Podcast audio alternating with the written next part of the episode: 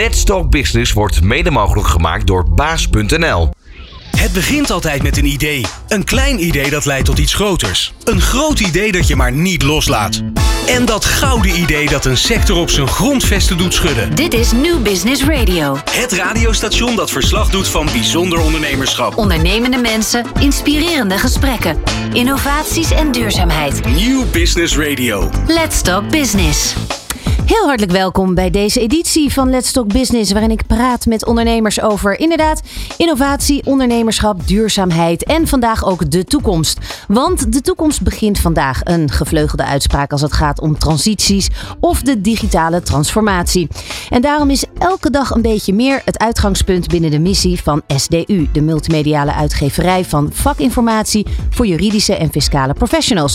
Met een geschiedenis die maar liefst 200 jaar terugvoert. Met de slimme inzet van content, data, technologie ontwikkelen zij innovatieve oplossingen die werkprocessen optimaliseren. Van digitale nieuwsbronnen, een online aandeelhoudersregister, intelligente geautomatiseerde modellen en opleidingen. We gaan dit uur kennis maken met het bedrijf en dan met name de nieuwe koers die zij varen in het kader van die digitale transformatie binnen deze branche. Want voor professionals die werken met wet en regelgeving zijn het spannende tijden. De opkomst van nieuwe technologieën, andere werkvormen, extra toezicht en tegelijkertijd is er die opdrachtgever die snelheid en flexibiliteit verwacht. Dit vraagt dus om vernieuwing. Maar hoe? Welke oplossingen zijn nodig en waar begin je? Je hoort het in dit uur van Let's Talk Business. Ondernemende mensen, inspirerende gesprekken, innovaties en duurzaamheid. Let's Talk Business. Met Fabienne de Vries. En met Sander de Groot, CEO bij SDU. En Esther van Doesburg, Chief Innovation Manager, ook bij SDU. Hartelijk welkom allebei. Dankjewel. Goedemorgen. Daar moet ook nog eigenlijk bij gezegd worden Lefebvre Sarut. Want dat is de overkoepelende ehm, organisatie of het grote moederbedrijf, Frans moederbedrijf sinds 2013. Heel, helemaal juist. Ja. Dat klopt. Eerst even kennis maken met jullie. Sander, om met jou te beginnen. Ehm, ja, waar, waar, eh, hoe, hoe- jij werkt nu vier jaar ongeveer voor Ik, SDU. ik werk vier jaar voor SDU, inderdaad. En wat heb je hiervoor gedaan? Ja, ik heb echt een achtergrond in de, in de uitgeverijwereld. Op allerlei verschillende plekken ge- gewerkt. Maar altijd op plekken waar eh, digitale transformatie een rol speelde. Maar dat doe ik al, nou ja, hiervoor 13 jaar bij een heel ander bedrijf. Maar eh, in dezelfde sector in ieder geval. Ja, wat betekent het om eh, CEO te zijn eigenlijk van een bedrijf met zo'n historie, staatshistorie? Daar gaan we het zo ook nog wel even over hebben. Maar wat, wat, wat voor gevoel geeft dat? Nou, ik denk wat we van klanten vaak terug horen is dat mensen ons heel erg vertrouwen. Hè? Dat er een heel groot eh, ja, historie achter zit en dat mensen niet denken dat wij een eendagsvlieg zijn of iets dergelijks. Wij hebben al, al jaren een historie van ons aanpassen aan de, aan de ontwikkelingen. En dat, eh, ja, dat is gewoon heel leuk om dat eh, ook bij de mensen op de werkvloer te merken. Ja, de digitale transformatie is natuurlijk wel echt hè, wat, wat nu vandaag de dag aan de orde is. Elke branche moet eraan geloven. Wanneer merkte jij, en dat kan ook bij een vorige baan zijn, voor het eerst dat dat noodzakelijk werd? Nou, eh, traditioneel eh, is de uitgeverij natuurlijk het is echt totaal veranderd. Hè? Ja. Eh, toen ik Boeken, begon, boeken, tijdschriften. stoffig. Toen ik studeerde was nieuwe media, dat was een CD-ROM. Nou, Oh ja. zo oud ben ik dus ook al. Dus dat helpt niet echt. Nou, ik, weet Ehm, hem, ik ken hem ook nog. de floppy. Ja, floppy de disk. floppy disk en dat soort, dat soort dingen. En wat je, wat je natuurlijk ziet is dat er steeds meer technologische mogelijkheden ont- ontstonden. En dat mensen op een andere manier die informatie tot zich wilden nemen. En dat het zelfs verder gaat dat ze die informatie op een bepaalde manier willen gebruiken. En dus dat dat steeds meer geïntegreerd wordt in hun, in hun dagelijks werk. En dat is heel gaaf om dat, eh, om dat te zien dat de technische mogelijkheden daarvoor ook steeds beter worden. Hè? Ja. Voorheen had je gewoon een boek wat je erbij pakte. Doen mensen nog steeds eh, soms. Soms. Ja, absoluut. Nou, de Er zijn- Bruna ligt nog steeds vol. de Bruna ligt nog steeds vol. En zeker ook bij professionals zal dat, eh, zal dat niet eh, altijd ver- veranderen. Maar je wil het gewoon veel effectiever kunnen, kunnen inzetten. Ja. Die, eh, en daarvoor heb je gewoon mooie middelen tot je beschikking. Dus ons bedrijf is echt totaal veranderd. Ja, en je hebt daar, en ook daar gaan we later nog op in, ehm, natuurlijk ook wel de voorhand in te nemen als uitgeverij. Want je moet natuurlijk zelf als uitgeverij digitaliseren, maar ook de branches die je bedient. Mhm. Ehm, Esther, hartelijk welkom ook. Goedemorgen. Goedemorgen. Eh jij bent Chief Innovation Manager. Oftewel, jij staat echt voor die verandering. Ja, dat klopt. Eh, samen met een team eh, zijn wij eh, eigenlijk alleen bezig met eh, nieuwe innovatieprojecten. Dat doen we enerzijds voor SEU. En anderzijds zijn we ook onderdeel eh, van de Europese groep. En wat je ook ziet is eh, in toenemende mate dat we meer en meer Europese projecten doen. Er komt vanuit Europa ook qua wet en regelgeving veel op ons af. En dat proberen we toe te passen in die praktijk. Mhm. En dat doen we uh, vanuit Nederland, maar dat doen we ook met onze collega's uh, in het buitenland. Ja, want je merkt dat Nederlandse bedrijven of is die wet en regelgeving, wordt die steeds meer een eenheid over Europa? Is dat wat je zegt? Ja, dus je ziet, uh, uh, dat was al langere tijd zo, maar je ziet eigenlijk dat de, de impact daarvan steeds groter wordt. Mhm. En neem even privacywet en regelgeving. Ja, daar gaan we straks over praten. Ik wil eerst nog over jou. Je gaat veel te snel Oh, al ga je de materie in. Wie is Esther? Want jij, komt, ja, jij werkt best wel lang ook al bij SDU. Want Ja. je komt bij dat... Ja, eh, dus ik eh, heb alle, alle fases, kun je bijna wel zeggen, eh, meegemaakt. Ja, want Wolter Kluwer Nederland, daar, daar Ja, ben je ik, heb, eh, ik ben begonnen bij het eh, internetcentrum eh, in Brussel van Wolters Kluwer. Hoe kom je daar nou terecht? Ja, ik, ik was zo super jong en ik. eh, Jij dacht ik wil naar Brussel? Ja, ik heb altijd wel graag in de internationaal verband gewerkt. Dus eh, vandaar, eh, ik, ik zag deze functie en dat was in Brussel en dat leek me helemaal te gek. En dat was ook te gek. Wat heb je gestudeerd? Wat, waar kom je, wat, wat is Ik je- heb aan de Universiteit van Amsterdam gestudeerd. eh, eh, eh, Amerikanistiek en Europese studies. En altijd al wel een internationale oriëntatie gehad. En ehm, eh, terechtgekomen toen eh, in Brussel bij dat Europese internetcentrum. Ik kan je zeggen, dat was toen best wel ver de troepen vooruit. Mhm. Toen waren we er ook nog helemaal niet klaar voor. Zeker wij niet, ofwel onze klanten ook nog niet. Ehm, Welk maar jaar was een, eh, dat? ja, Wanneer leven we toen? eh, ik denk even kijken, wanneer was dat? Nou, Begin 15 zero? jaar, ja, 15 jaar geleden. Ja, precies. Ja. Dus ehm, eh, daar begonnen, ehm, met heel ambitieus ook. We gingen Europese producten en diensten ontwikkelen. Maar ja, eh, eh, we waren eigenlijk, de markt was gewoon nog niet zo ver. Nee. Nee. Je hebt dus ook eigenlijk al die stapjes die genomen zijn in de afgelopen 15 jaar bij, nou ja, wat in de eerste instantie nog Wolters Kluwer was, Ja. meegemaakt. Ja, ja, Ja. dat is super interessant om dat, dat mee te maken. En ook te zien dat het volledig, want je noemde net uitgeverij. Eh, wij noemen onszelf ook wel meer een softwarebedrijf zijn we geworden. Waarbij we natuurlijk kennis, want dat is de motor van, van alles, nog steeds eh, ontwikkelen en ontsluiten. Maar dat ook toepassen in allerlei eh, software Ja. applicaties. Ja, want laten we eens even die geschiedenis induiken. Het is een bedrijf wat al meer dan 200. Er zijn bijna geen bedrijven volgens mij in Nederland die langer dan twee jaar bestaan. En jullie hè, van Nou, dan twee jaar bestaan. 200, sorry, 200. langer dan 200 jaar. Nee, dat is echt een, eh, echt een. Mogen jullie jezelf dan niet ook koninklijk noemen?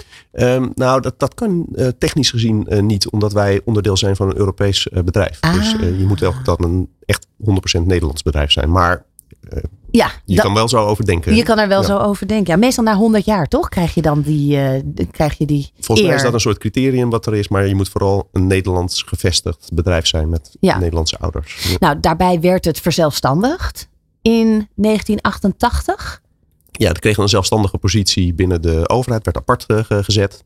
Op een gegeven moment is het echt volledig eh, verzelf, verzelfstandigd. Ja, want het is misschien wel even leuk om uit te leggen dat eh, eh, SDU, waar staat dat voor? De staatsdrukkerij En uitgeverij. en uitgeverij. Eh, want, want wat, voor soort, wat voor een soort drukkerij of uitgeverij was het? Ja, echt, echt alle eh, documentatie die vanuit de overheid eh, eh, verstrekte werd van, van De oude wetsboeken. oude boeken, ouderwetse wetboeken. We hebben ook een hele stapel nog van dat soort mooie oude boeken uit de, de 19e eeuw staan. die zijn er allemaal nog. Maar ook de, de staatscourant was bijvoorbeeld een heel belangrijk product wat we in die tijd uitgaven. Maar nog tot op de dag van vandaag zijn wij bijvoorbeeld ook degene die alle, alle wetten eh, en alle officiële publicaties van de overheid eh, eh, publiceert. Voor wetten.nl bijvoorbeeld. Mhm. Daar zorgen wij voor. Dus we hebben nog steeds een. zijn wij, is de overheid nu onze klant? In Ja. plaats van dat wij Onderdeel. onderdeel zijn van. Want waarom was de verzelfstandiging een mooie stap of een noodzakelijke stap? Ja, dat is toch uiteindelijk een besluit geweest van de, van, de- van, hè, in de tijd dat eh, überhaupt verzelfstandigingen überhaupt een heel belangrijk onderwerp eh, waren. En dit was behoorde niet tot de core business van de overheid. En ze hebben gezegd van nou dat moet gewoon een zelfstandig bestaan leven. Eerst hebben ze het helemaal losgezet. ehm, ehm, en later is besloten om het echt volledig eh, af te stoten. Eh, he- ja, het heeft de Nederlandse staat 330 miljoen euro opgeleverd. Het, eh, was een, eh, het was toen ook een vrij grote organisatie waar heel veel, eh, veel gebeurde. Dus Zo. eh, dat is nooit verkeerd ge- geweest voor, Nee. voor de overheid. Nee. Ehm, vervolgens in 2013 is het dus overgenomen door de, de Franse branchegenoot Edition Lefebvre Sarut. Wat is dat voor een bedrijf? Ja, Lefebvre Sarut noemen we het tegenwoordig. En eigenlijk is dat een, een Europese uitgever die in acht landen hetzelfde doet als wij bij, in, met de SDU doen in, in Nederland. Dus wij bedienen advocaten, belastingadviseurs, de overheid en bedrijven. Voor iedereen die met wet en regelgeving te maken heeft. Ja. Maar wat is het voordeel om nu onderdeel te zijn van zo'n grote nou, een organisatie? Een belangrijk voordeel is dat je natuurlijk de kennis kan bundelen. Als je over innovatie praat en als je meer richting software gaat, eh, dan daar gaan enorme investeringen mee gepaard. En uh, wat je ziet is dat de wet en regelgeving in toenemende mate Europees is. Dus er zit heel veel overlap in wat er in Spanje gebeurt of wat er in Nederland gebeurt. Mm. Um, en uh, ja, met de kennis en ervaring die we in Spanje hebben bijvoorbeeld, kunnen we heel goed uh, ook in Nederland producten uh, neerzetten. En omgekeerd. en zo proberen we dat op een goede manier te doen in Nederland, Italië, België, Spanje, Frankrijk. Ja.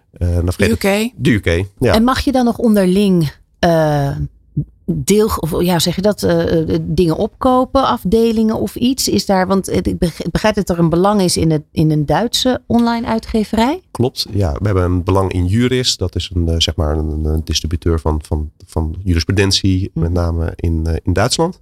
Daar hebben we onder, de, dat, daar hebben we gewoon een belang in. Um, um, ja, maar wij proberen natuurlijk gewoon alle, alle kennis en ervaring uh, die we hebben. Als we software ontwikkelen in Spanje, dan kunnen we dat prima in Nederland gebruiken. Als we in Nederland iets ontwikkelen, kunnen we dat prima in, Spanje, in, uh, in Frankrijk inzetten. Dus dat proberen we ja. zoveel mogelijk uit te wisselen met, ja. uh, met elkaar. En op deze manier dus een goed samenwerkend vehikel. Precies. Ja. Staan altijd de neuzen dezelfde kant op, Esther? Niet altijd. Uh, het heeft natuurlijk uh, de dynamiek van enerzijds wil je dingen samen doen, anderzijds wil iedereen toch ook wel graag uh, zijn of haar autonomie behouden. Maar je ziet wel dat er een, een, duidelijke overtuiging is dat we dingen gezamenlijk moeten doen. Wat je ook, ook wel, wat je ja. ook wel ziet is dat landen verschillende snelheden hebben. Ja, je kan je voorstellen dat wij in Nederland zijn we vrij ver met digitalisering. Uh, maar dat is niet overal in Europa het uh, geval. En dus op sommige plekken lopen wij weer een stukje voor. En proberen wij onze collega's mee te nemen. Andere plekken lopen, loopt bijvoorbeeld Spanje een beetje voor. Nou, we proberen ja. ons dan weer mee te nemen. Ja, mooi. We gaan, we gaan het hebben over SDU als bedrijf. Nu, voor wie doen jullie wat? Blijf luisteren. Let's Talk Business op Nieuw Business Radio. Ja, en we praten verder over SDU uh, uitgeverij en drukkerij. En dan met name het bedrijf zoals dat nu is, waarin Esther net al aangaf dat het wat meer, en jij ook Sander, dat het wat meer een softwarebedrijf is geworden. Jullie hebben dus zelf ook die digitale transitie uh, moeten doormaken. Um, nou ja, wat, wat, wat was daar eigenlijk. Ja, het, het, jullie moesten een beetje het oude imago afschudden, hè? Daar, dat, dat noemde jij al. Zeker, dat is uh, absoluut belangrijk geweest. Want ja, dat woord drukkerij, dat geldt al uh, heel lang niet meer. Nee, nee precies. Maar als je, zo, als je een oud imago waarin je toch de waarde, als wat je net ja. noemde, betrouwbaarheid en zo wil behouden. Ja. Hoe vlieg je dat dan aan? Hoe, hoe pak je dat aan? Ja, nou ik denk dat dat gewoon begint bij gewoon uh, heel veel praten met, met, met klanten. En proberen te begrijpen wat klanten bezighoudt. En ook laten zien dat je daarnaar luistert. En dat je echt met vernieuwingen komt waar ze in hun dagelijks werk echt iets aan hebben. Eh, wij zijn daar denk ik heel vroeg mee begonnen. Want van die boeken en tijdschriften die hebben we natuurlijk al heel vroeg gedigitaliseerd. En daarmee hebben we geleerd hoe dat, hoe dat proces in, is, gelopen. Dat is echt niet iets van de laatste jaren. Nee. Maar wat nu echt iets van de laatste jaren is, dat die technologie zo ver voortschrijdt.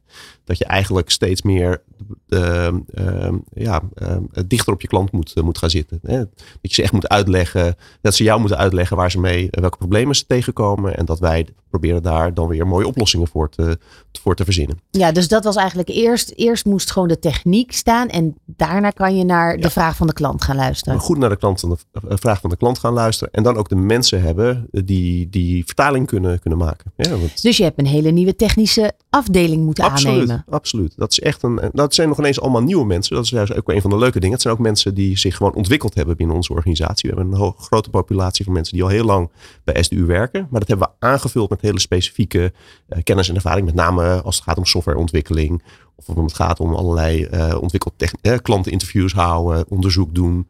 Het zijn allemaal nieuwe, nieuwe functies die we binnen onze organisatie hebben. En uh, nou, dat stelt ons ook in staat om heel snel te kunnen schakelen. Want dat is denk ik ook wel heel belangrijk. Hè, mensen zitten niet te wachten op jarenlange grote bollige projecten. Uh, maar hele kleine, uh, beginnen vaak met hele kleine initiatieven. Die we heel snel in de markt kunnen zetten. Ja. Uh, en waardoor we snel resultaat kunnen lopen. En dat levert ons op dat we mensen zien. Oké, okay, SDU is heel actief. Is heel innovatief. En nou ja, uh, dit helpt ons echt. Ja, welke, Sandra, welke grote, of Esther, sorry. Uh, heb, uh, welke grote verandering heb jij zien gebeuren eigenlijk als je kijkt naar het bedrijf zelf? De grootste verandering die ik heb gezien is in eigenlijk niet zozeer het techn de techniek centraal zetten. Want we waren eigenlijk als uitgevers gewend om producten te pushen in de markt. Dus uh, we, we, maakten iets en uh, nou, we keken wel uh, en het verkocht ook eigenlijk ook wel vanzelf. Mm -hmm. Maar dat werkte op een bepaalde moment niet meer. Want mensen zijn in toenemende mate minder bereid om voor informatie te betalen. Dus wat wij eigenlijk, wat ik als de grootste verandering zie, is dat wij zijn gaan luisteren naar de klant. Heel erg zijn gaan doorgronden van hoe zit dat werkproces in elkaar.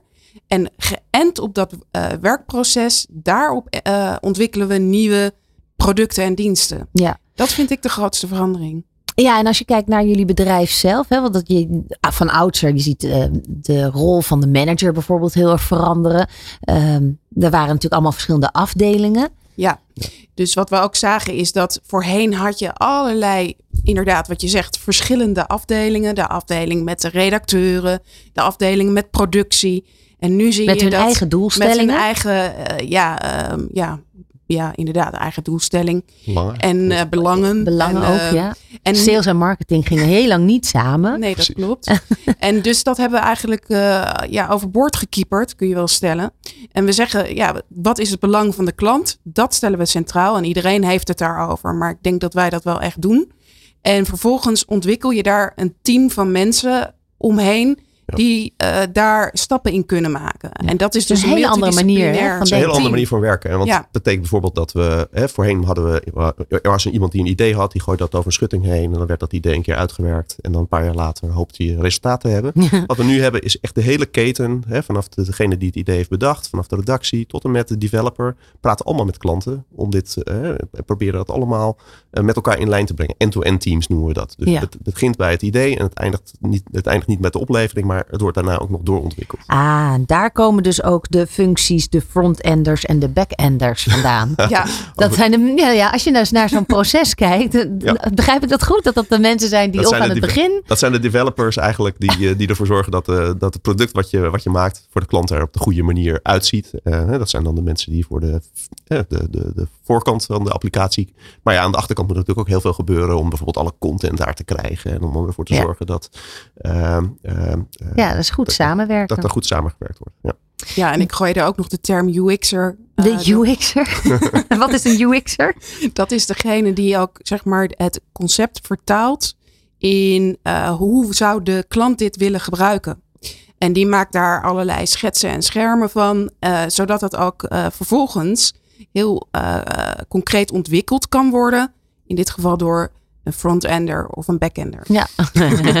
Sorry hoor voor deze. Welke, welke bottlenecks loop je dan tegenaan als je zo'n transitie uh, ja, ondergaat of doorgaat met elkaar? Nou, als je gewoon naar de, het runnen van het bedrijf kijkt, dat is, heeft een enorme impact. Want als je een boek verkoopt, uh, dan heb je, eh, je verkoopt het vandaag, heb je ook vandaag omzet.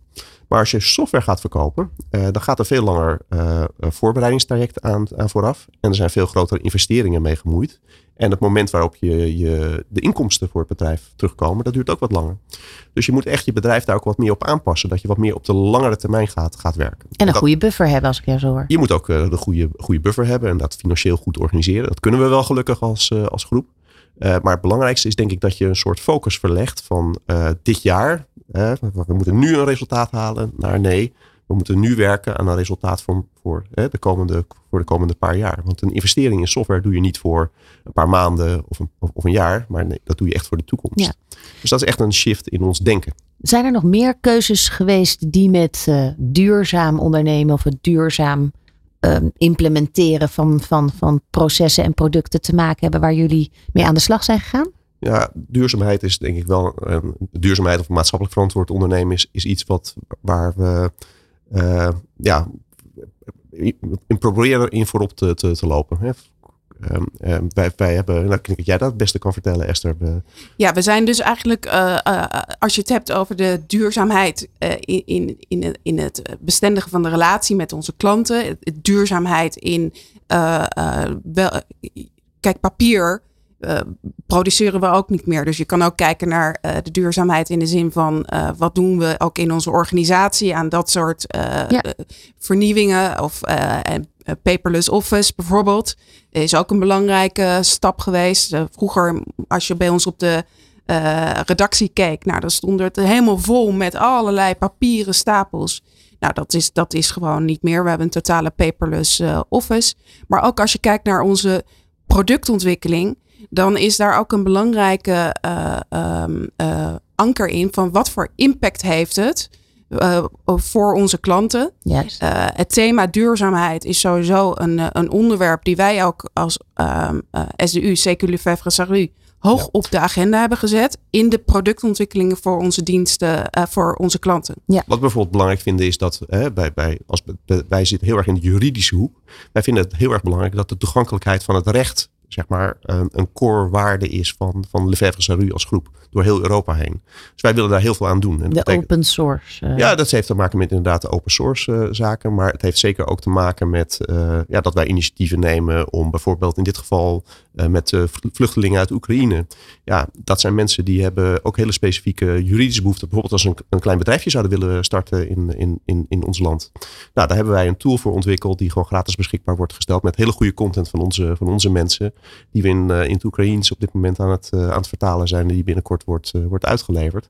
Ja, dat, is, dat heeft niks te maken met geld verdienen. Dat heeft iets te maken met hè, Ja. de, wet, de wet en regelgeving toegankelijk maken voor iedereen. Maar ook, en daar, daar kwam mijn vraag ook vandaan, ehm, het feit dat je dus niet meer kijkt van wat zijn de doelen dit jaar, die moeten we nu halen. We kijken heel erg op het nu, maar juist de blik Ja. op de toekomst en dat ook het mogelijk is om daar een aantal jaar voor in te plannen om een bepaalde transitie door te gaan en, en Ja. dan ook een lang, langdurige samenwerking, lang, hè, producten die langdurig ehm, ja. Ja. En dan hebben wij het voordeel gebruikt dat, kunnen worden. dat wij onderdeel zijn van een familiebedrijf feitelijk. eh, met twee families die daarachter zitten. Die ook echt voor die lange termijn eh, daarin zitten. Juist. Dus wij hebben gewoon de ruimte om inderdaad dat goede plan in te dienen.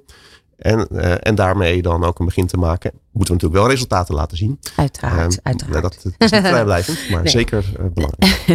Ehm, als we kijken naar de branches en sectoren, we hebben er al een paar genoemd: de notarissen, advocaten, bedrijfsleven, overheden natuurlijk, eh, belastingadviseurs.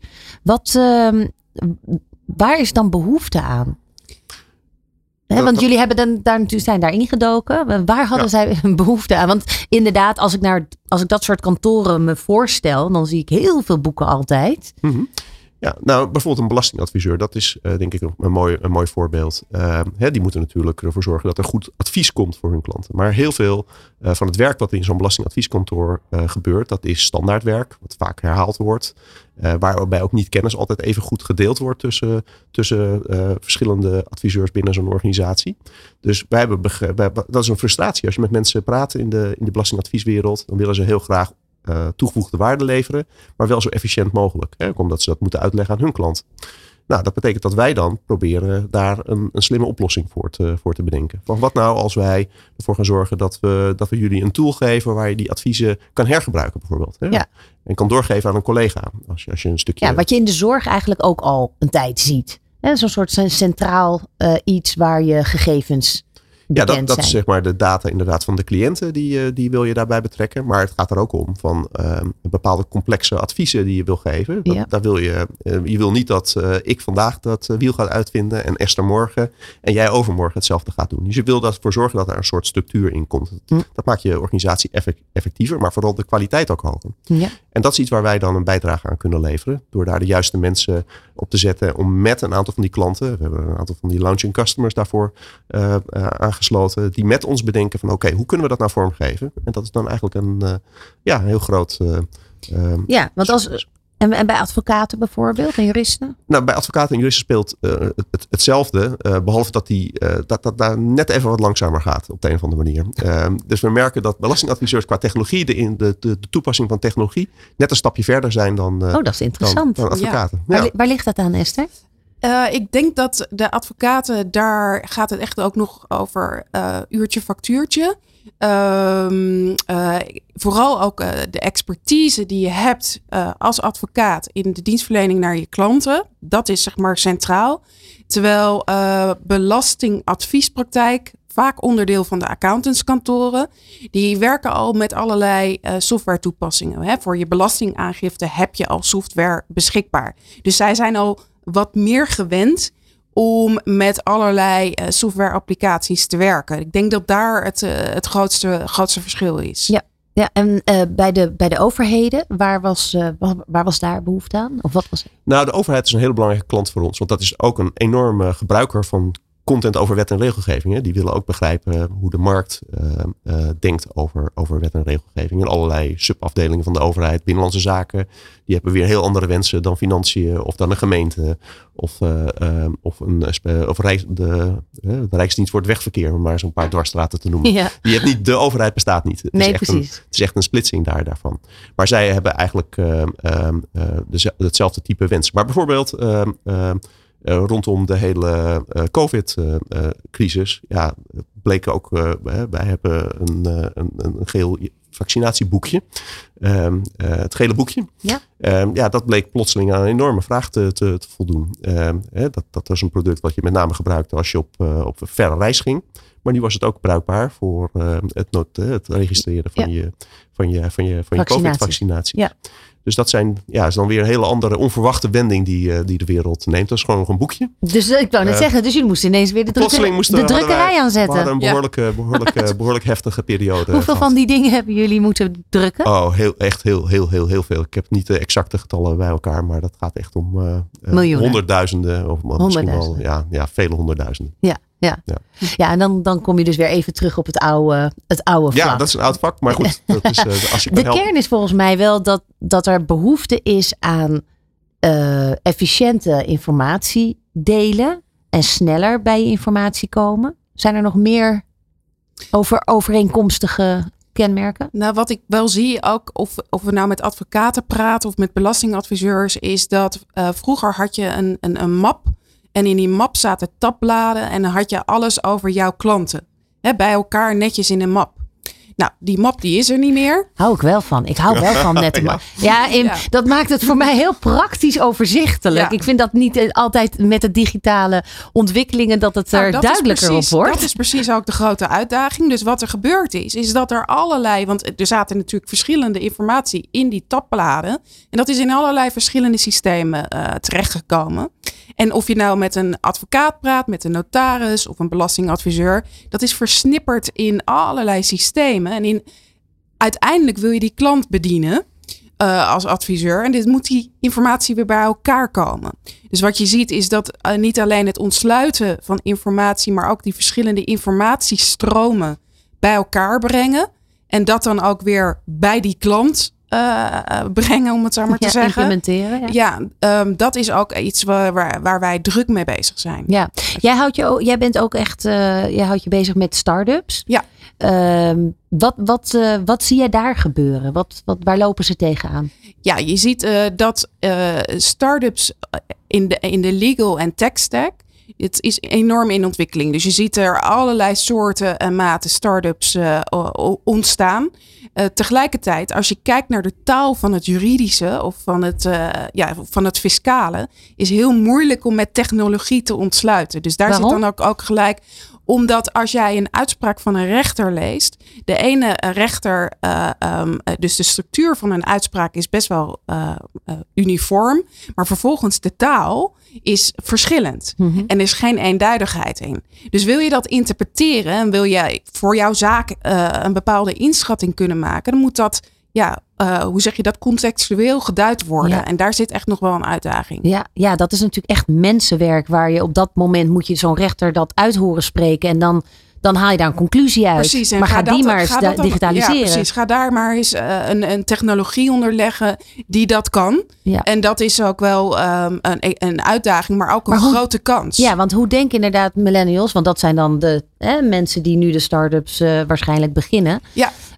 Um, Ehm, hoe, hoe, hoe staan die daarin? Nou, wat je ziet is bij uh, start-ups uh, vervolg, uh, ze, ze, vol enthousiasme beginnen ze daaraan. En vervolgens dan zie je toch ook wel dat er inhoudelijke expertise nodig is om dat te kunnen duiden. Ja. Dus en, en daarom denk ik ook dat dat heel mooi samenkomt. Want wij hebben natuurlijk wel de netwerken tot experts. En door dat ook samen te, te bundelen, kunnen wij samen met start-ups daar stappen in, in maken. Ja. ja. En wat je ook ziet is dat start-ups vaak, uh, hè, wij hebben natuurlijk ook de kennis van de markt. Hè. Wij hebben de toegang tot de markt. Dus wij kunnen vaak gewoon ook samen optrekken. Precies. Dat is een van de dingen. Toegang tot de markt, ja. ja wat van, fijn vinden. Ja. We gaan uh, het zo hebben over wat er inderdaad uh, in de markt nog meer allemaal speelt. Dus wat gebeurt er, wat speelt er binnen de branches? Dit is Nieuw Business Radio. Let's Talk Business. Ja, welke ontwikkelingen spelen er binnen de branches uh, van de advocatuur, uh, de het bedrijfsleven, belastingadviseurs, overheden, als het gaat om uh, digitale transformatie? Ehm, ja, het is tijd om ons aan te passen aan de wereld van morgen. Dat, daar weten jullie bij CU alles uh, natuurlijk van. Ehm, professionals die werken met wet en regelgeving en ook na morgen relevant willen en moeten zijn, moeten nu al vooruitkijken, vernieuwen, meegaan. En uh, jullie doen er alles aan om dat te bewerkstelligen. Maar als we wat dieper de branche induiken, uh, veranderende businessmodellen, uh, ja, in de toch van oudsher wat conservatieve kantoren, dan zijn er ook, is er ook de opkomst van de boutiquekantoren. Wat is een boutique? Kan, ja, ik kan het zelf wel invullen, maar jullie mogen het uit. nou, dat zijn de, de, de, daarbij heb je het met name over de, de juridische advocatenmarkt. Uh, ja. markt. En dat zijn dan kantoren die zich heel erg specialiseren op één specifiek uh, uh, onderwerp. Dat kan zijn bijvoorbeeld M&A of juist hele internationale aspecten of zelfs hele niches zoals gaming of iets dergelijks. En dat, dat, dat, dat, dat bestaat. Maar wat, ik denk dat een belangrijke trend die we, die we zien is dat er inderdaad een vorm van specialisatie plaatsvindt binnen die advocatenkantoren. En tegelijkertijd dat we, uh, dat we merken dat uh, bedrijven een aantal functies graag zelf willen overnemen. Die hebben ook eigen juridische specialisten in dienst. En het standaardwerk, ja, dat is toch best wel duur om dat uit te besteden aan een, aan een advocatenkantoor. Dus dat wil je waarschijnlijk wat beter zelf uh, in je organisatie regelen. En daar zit dan de, inno innovatie of de ja, verandering. En om dat goed te doen, moet je ervoor zorgen dat je daar ook de tooling hebt uh, als legal counsel, zo heet zo iemand en zijn afdeling, uh, om dat op een goede manier, om, om op een goede manier die, ja. de, de, keuzes te kunnen maken. Dat is eigenlijk wel een trend, hè? Dat bedrijven gewoon nou ja, zoals ook een eigen um, marketingafdeling hebben, dat ze eigenlijk al veel sneller ook naar een eigen legal afdeling gaan. Normaal zag je het natuurlijk bij de grote bedrijven, maar dat steeds, ja, misschien ook wel start-ups daar al gelijk mee beginnen. Ja, zeker. Want kijk, uh, de vraag is, ja, als je een standaard arbeidsovereenkomst hebt of een vaststellingsovereenkomst, ja, ga je daar uh, honderden euro's voor betalen of uh, gebruik je een, een, een format en pas je die wat zelf aan? Dus je ziet dat dit soort standaard werkzaamheden worden meer en meer geautomatiseerd. Ja. En dus er is, er, er is een ander verdienmodel nodig.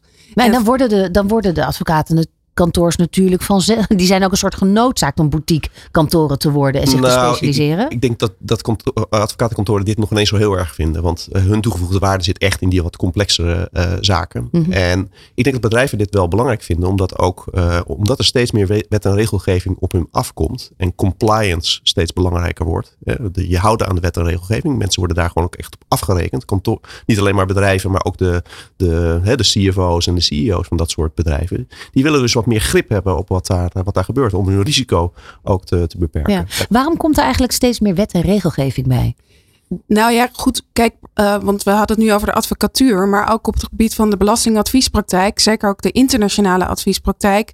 Uh, willen wij um, uh, als maatschappij um, dat dat inzichtelijker wordt. Dat er... Hè, vroeger was het juist ook van hoe kunnen we zo min mogelijk belasting betalen. Tegenwoordig is het zo dat we daar gewoon heldere structuren in willen. En we ook vinden dat we allemaal belasting moeten betalen. Dus dat is dus grappig, dat, hè? Dat is ook wel echt een denkwijze dus dat is die een veranderd andere, is. hele andere manier van, uh, van kijken naar het wordt de wereld. bijna logisch om belasting te betalen. Willen we het met elkaar allemaal kunnen blijven nou, doen? in ieder geval gaat er veel meer discussie ontstaat erover. Niet iedereen denkt erover. Nee, niet alle, iedereen denkt daar zo over. En, en, zeker in Nederland is dat toch ook wel een ding. Maar binnen, binnen Europa is dat ook iets wat, uh, wat, uh, wat, wat herkend wordt. En waar dus ook allerlei regelgeving over overkomt. Maar denk bijvoorbeeld ook aan nu aan de sancties uh, die er zijn tegen, uh, tegen Rusland. Tegen Rusland. Ja, dat zijn, uh, dat zijn, dat, je wilt voorkomen dat je als bedrijf geassocieerd wordt, dat je je niet aan de sanctieregels houdt. Ja, dat zijn Europese regels in veel, vele gevallen, mm -hmm. waar je toch als bedrijf ook je, ja, je zekerheid wil, wil, wil inkopen. Nou, ja. En je kunt zo weg zijn. Uh, Er gebeurt iets en je, je, je, je, reputatie staat op het spel. En wat uh, is jullie rol dan om dit te. Nou, ja. nou, we zijn bijvoorbeeld nu op dit moment bezig. Ik heb toevallig gisteren een, een, een demo gehad van een nieuw product wat we gaan uh, aan het ontwikkelen zijn. Toevallig in Spanje. waarin we naar um, de, de hele witwas um, um, praktijk. praktijk. kijken. En hoe kunnen we dat helpen? Kunnen we bedrijven en, en advocaten en belastingadviseurs helpen om hun klanten goed in kaart te brengen en ervoor te zorgen dat ze geen zaken doen met verkeerde bedrijven. Mm -hmm. Nou, dat is heel belangrijk om dat niet alleen maar een keertje uit te zoeken, maar om dat ook echt heel erg als een proces te organiseren. Nou, wij denken dat we daar een rol in kunnen, kunnen vervullen. En een, een rol in informatie nou, wij tot kunnen, en met wij kunnen, ja, wij kunnen, de tool. Ja, we kunnen de software leveren, maar wij kunnen er ook voor zorgen dat alle ja, de wet en regelgeving die daarbij hoort, dat die in die tool ook uh, uh, beschikbaar komt. Ja, en dat is denk ik ook onze kracht. Dus wij snappen zeg maar dat proces enerzijds. En we hebben ook de kennis vanuit die uh, wet en regelgeving. Dus door die te combineren. Want je hebt al heel veel software uh, applicaties. Dus, en de kracht zit bij ons juist op die kruisbestuiving. Wat tussen snappen nodig? vanuit Europa wet en regelgeving. Hoe zit dat in, inhoudelijk in elkaar? Hè? Wat impliceert dit voor jouw bedrijf? Wat moet jij als organisatie op aanpassen? En wij kunnen vervolgens dus die kennis toepassen op dat werkproces. Ja, dat is inderdaad een gouden combinatie. Um, want als je dan inderdaad legal tech en tax technology, dat mooie bekkenbrekers in het vakjargon, hoe daar dan mee omgaan. Hoe, hoe implementeer je zo'n proces? Hoe gaat dat bij jullie? Nou, dat begint toch echt met klanten praten. Echt begrijpen wat die mensen, ja. wat, wat, hoe dat werkt. Ik had gisteren die, die, die, die, die demo. En dan gaat een wereld voor mij open. Hè? Hoe, hoe, ingewikkeld dat is. Betekent dat echt dat een advocaat dit en dit en dit moet doen? Ja, dat betekent het. Dat kan je niet voorstellen als je niet uh, vanaf de tekentafel dat zelf probeert nee. te, te, bedenken. Je moet echt dat gaan, gaan uitvogelen. Um, dus dat is denk ik uh, een, een, mooie start. Ja, en ja. zo'n proces. Zo, ja? ja? sorry. In de aanvulling daarop. Dus enerzijds heel goed snappen wat die, uh, hoe dat voor de klant in elkaar zit. Maar anderzijds ook de klant daarin helpen in het uh, implementeren. Ja, Want je kan, je kan allerlei uh, software of tools of, uh, over de bühne gooien. Um, maar juist ook um, de klant ondersteunen in zijn of haar transitie. Um, als je bijvoorbeeld wat ik dagelijks doe, is dat ik bij klanten zit Um, dat ik meer eigenlijk een gedragspsycholoog soms ben dan iets anders. Ja, want je komt natuurlijk bij een verandering altijd op het menselijke aspect. En dat is, ja, dat kost A tijd. Maar dat is cruciaal. En als je het hebt over. van alles aan. Ja, dat ook bijvoorbeeld een andere start-up waar we mee werken, uh, Scopus. Uh, zij doen alles op het gebied van uh, cybersecurity, een, een hot topic. Maar als, we, als je weet dat het grootste risico zit in de mens bij cybersecurity aanvallen. Dus voor, voor hun in hun propositie of in hun aanbod is ook juist dat trainen van, van, van mensen en de organisatie een heel belangrijk uh, element. Ja, ja.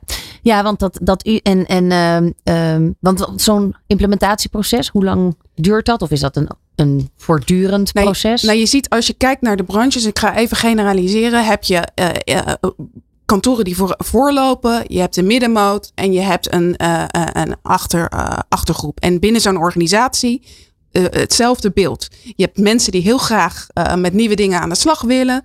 Dan heb je een grote groep die denken, nou, ik heb, toch, ik, heb, ik heb het druk genoeg. Vind niet vervelend. Of ik, ja, het gaat goed. maar ja, als het me maar geen, niet te veel tijd kost. En je hebt altijd ook een groep mensen die hun hakken in het zand zetten. Nou, kijk, die, die groep die heel graag wil, dat is vrij makkelijk. Het gaat natuurlijk om juist die middenmoot mee te krijgen. En daar zetten we dan ook wel met klanten of bij klanten een uh, programma voor op. Ja, ja. Dus als wij een product verkopen, dan is het niet alleen maar alsjeblieft, hier heb je licentie en succes ermee. Nee. Maar er hoort ook een heel implementatietraject hoort daarbij. En bij sommige klanten kan dat heel veel tijd kosten. En sommigen die hebben het uh, meteen in de hebben gaten. het zo in de Ja. gaten, ja. Ja, want dat, dat uurtje factuurtje, als je kijkt naar de verwachting van de klant, die accepteert niet alles meer. Nee, dus dat is ook. eh, Qua hè, transparantie, veiligheid, Ja. eh, compliance, wat je net al noemt. ja, de klant, eh, de klant van de klant, de klant van onze klant, die, die wat jij ook zelf al schetste, eh, de bedrijven die, eh, die, die, die richten afdelingen in om zelf, ook op het gebied van eh, tax eh, advisory, jij als eh, bestuurder of als CFO bent zelf aansprakelijk voor jouw organisatie. Je werkte met allerlei adviseurs. Mhm. En je dacht van, nou, mijn adviseur regelt het wel voor mij. Ja. maar nu moet jij zelf als bedrijf daar grip op hebben en snappen hoe het zit. Dus dat is wel wezenlijk anders. Dat betekent niet dat de adviseurs niet meer geraadpleegd zullen worden. Alleen je ziet wel dat bedrijven zelf, of het nou over legal of tax gaat, ehm, eh, daar kennis eh, voor in huis ook halen en ontwikkelen. Om een stukje daar ook zelf grip op te hebben. Logisch, want zij zijn ook verantwoordelijk. Dat betekent ook dat de businessmodellen van onze klanten ver- veranderen. Ja, waar ze voorheen inderdaad uurtje factuurtje werkten, zie je met name eh, dat je zie je nu ook abonnementenmodellen ontstaan. Je ziet dat het standaardwerk eh, op een andere manier wordt, wordt afgerekend dan gespecialiseerd werk. Er is echt wel het een en ander aan de, aan de gang in die, in die markt. Ja. Ehm, en Jullie hebben er zelf ook een aantal innovatieve producten, eh, nou ja, op die jullie graag, eh, ehm, of die, die geïmplementeerd zijn en, en eh, waar jullie mee werken. Ehm, zoals Lightspeed en Innovaction. Gaan we het zo over hebben. Let's Talk Business op Nieuw Business Radio. Ja, in een veranderende markt, hè? Lisa Stansfield, Change. Ik vond hem wel toepasselijk. Eh, goed, we gaan het eh, hebben over innovatie. Nou, althans, daar hebben we het al over. Ehm, maar jullie hebben een aantal specifieke eh, projecten, programma's, opleidingen en, en software. Ehm, voordat ik dat ga doen, heb ik nog een ondernemersvraag. Wij hebben in Let's Talk Business altijd een verrassingselementje. Oké. En ehm, nou, Esther, jij gaf aan van ik kan nog wel eens eh, te veel vakjargon gebruiken. Dus deze, deze ondernemersvraag is voor jou. Let's Talk Business op Nieuw Business Radio. Welk vakjargon staat je tegen? Schaalbaarheid? Kosteneffectiviteit? Uitdagingen? Oplossing? Probleem? Duurzaamheid? Innovatie? Of één die je er zelf nog kan bedenken. Schaalbaarheid. Want? Dat betekent, kijk, ehm, wij werken met een eh, innovatieteam en wij willen snelheid. En als het schaalbaar moet zijn, dat betekent vaak ook besluitvorming over alle lagen heen. Ja, Tegelijkertijd is het wat ons kan onderscheiden. Dus ik zie het belang daarvan in. Ja. Maar vind schaalbaarheid op een of andere manier belangrijker. jij, ja precies. Je krijgt er de kriebels van. Nou ja, met, met eh, de, het vraag nummer één eigenlijk met een start-up. Is het schaalbaar? dat is het ook. Die, die vraag stellen wij ook aan start-ups. Dus ik spreek nu even vanuit de productontwikkelingskant binnen een grotere organisatie. Ja, precies. Ja. Oké, schaalbaarheid. Nou, dan heb ik er ook eentje voor jou. eh. Van welk zakelijk dilemma heb je ooit wakker gelegen? En nu wacht ik op de, op de, op de, op de, op de opties die ik kan Nee kiezen. hoor, maar, nee, nee. Deze is een open vraag. Een zakelijk dilemma waar ik voor wakker heb gelegen. Nou ja, som, eh, even kijken hoor. Ik heb wel eens een, eh, een voor een keuze gestaan eh, dat ik eh, een, een, een, zeer winstgevend product, waar ook echt, maar wat niet meer in de strategie paste van het bedrijf waar ik toen voor werkte, dus niet binnen SDU, dat ik daar een keuze over moest maken of ik daarmee verder zou, zou gaan. Tussen je hart en het geld Oh, moest ja. er gekozen Ja, worden. precies, precies. En uiteindelijk heeft het hart het dan gewonnen. Hè, dat, dat, dat we inderdaad die keuze toen hebben moeten, moeten maken. Juist om meer tijd en energie vrij te maken voor de nieuwe dingen die we wilden gaan, gaan ontwikkelen. Met andere woorden, je moest van dat eh, winstgevende product afscheid nemen. Juist, Ja, juist. om toch de ideologie na te ja, leven. omdat het gewoon niet meer paste in alles wat we, alle mooie dingen die we aan het doen eh, eh, Ja, waren. lastig inderdaad. Ja. Moeilijk, moeilijke keuze. Maar dat is bijna wel cruciaal voor innovatie. Dat je ook eh, de keuzes maakt en dat je daar ook in door, eh, daar een, een, een, een lijn in zet. Ja, en in doorzet. Ja, Ehm, Lightspeed. Wie wil daar iets over vertellen? Want dat is een Europees programma. ja eh, Lightspeed is een eh, Europees programma waarbij start-ups eh, zich kunnen aanmelden om aan mee te doen. En uh, vervolgens uh, worden een aantal start-ups daaruit geselecteerd. En wat wij uh, dan met die start-ups doen, is dat we heel erg kijken naar wat is de vraag van die start-up. Wat is de. Want je hebt, ja, elke start-up zit in een verschillende fase of heeft een andere problematiek. De een wil um, een betere sales aanpak definiëren. De ander wil bijvoorbeeld nieuwe content. De ander wil technologie verder ontwikkelen. Dus we kijken eerst van wat heeft die start-up nodig. En vervolgens gaan we dan een uh, programma daarop uh, samenstellen. En dat is echt een, uh, een, ook wel een uniek programma, want de meeste start-up programma's zijn heel erg, um, hoe zeg je dat, gestandaardiseerd. volgens een vast format. Mm -hmm. En nu kijken we ook bij dit, dat, zoals we met onze klanten dat doen, doen we dat ook met de start-ups. We kijken van wat is het probleem van die start-up, waar ligt zijn aandachtspunt. En vervolgens gaan we met, met, met hen aan de slag om dat uh, aan te pakken. En het ja. mooie is dat we dat op Europees niveau doen. Dus, uh, dus ook weer die co-creatie. Yes, ja, we ja. kunnen echt heel goed samenwerken met, uh, met de verschillende landen en de expertise inzetten die, we, die daarvoor nodig is. Dat kan soms echt op development zitten, of op productontwikkeling, content. Um, maar in veel gevallen is het ook heel veel pragmatischer. Hoe kunnen we ze toegang tot de markt geven? Lijkt me als een warmbad dan. Ja, want het is ook zo inderdaad. Daarom zien we ook wel dat uh, start-ups zich aanmelden. Uh, je, je zit al in een bepaalde markt, uh, zeg België. En je wil eigenlijk ook andere markten veroveren. En via dit Europese Lightspeed programma heb je de mogelijkheid om ja, toegang te krijgen tot dit net netwerk. Ja. Mooi. Innovation ook belangrijk als het gaat uh, om productontwikkeling? Ja, innovation is echt. Uh, oh, ja, we, sorry, we, je moet op Frans, Frans uitspreken. Op zijn Frans. Op innovation, Frans. oui, oui, oui, is dat pas probleem. Oui. uh, dat is eigenlijk een, een, programma wat we hebben opgezet om intern ondernemerschap te stimuleren. En dan met name intern ondernemerschap met teams uit verschillende landen. Om oh, ja. die samenwerking te, te, stimuleren en ervoor te zorgen dat we inderdaad met nieuwe productideeën uh, komen. En voorheen hadden we natuurlijk wel een ideeënbus of allerlei losse, losse initiatieven. Maar we hebben dat allemaal met elkaar gebundeld. En dat proberen we eigenlijk op dezelfde manier aan te pakken zoals we productontwikkeling binnen SDU aanpakken. Namelijk echt uh, een echt probleem proberen op te, te lossen. Wat bij, bij klanten van ons, van ons speelt.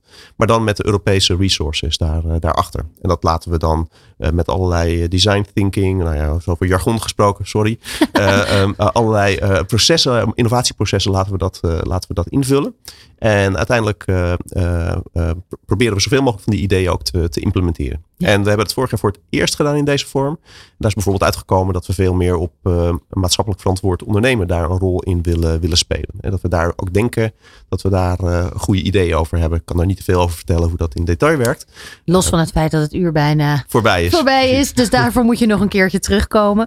Uh, ja, ja, dan en, en sowieso, want jullie zijn ook met software bezig. Uh, wat gaat over AI, artificial intelligence. Ehm, nou, ik, ja, dus wat we doen is, uh, we, we ontwikkelen software uh, die het on, uh, werkproces ondersteunt. En anderzijds zetten we ook allerlei AI-toepassingen op.